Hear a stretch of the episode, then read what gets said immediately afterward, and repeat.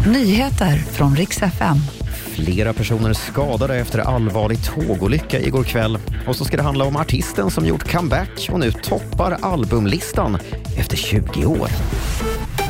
Ja, tre personer är mycket allvarligt skadade efter tågolyckan i centrala Örebro igår kväll.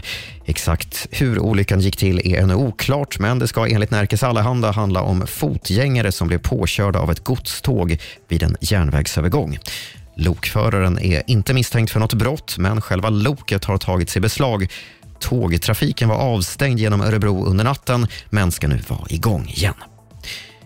Så ska vi till Göteborg och den stora branden på vattenparken Oceana som faktiskt klarade sig bättre än vad man först befarade.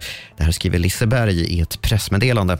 Bland annat ska ytskiktet i bassänghallen, en källare med teknikcentraler och en hel tegelbyggnad vara helt eller delvis oskadade. Och till Göteborgs-Posten säger vdn att de har förlorat 40 procent mindre i värden än vad de först trodde. Flera utredningar pågår om orsaken till branden.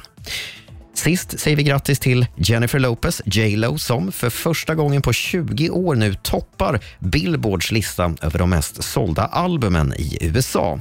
Det är hennes nya platta This is me now som har seglat upp på första platsen. Skivan är ju en slags uppföljare till albumet This is me then som kom 2002 och som då bara nådde till listans andra plats.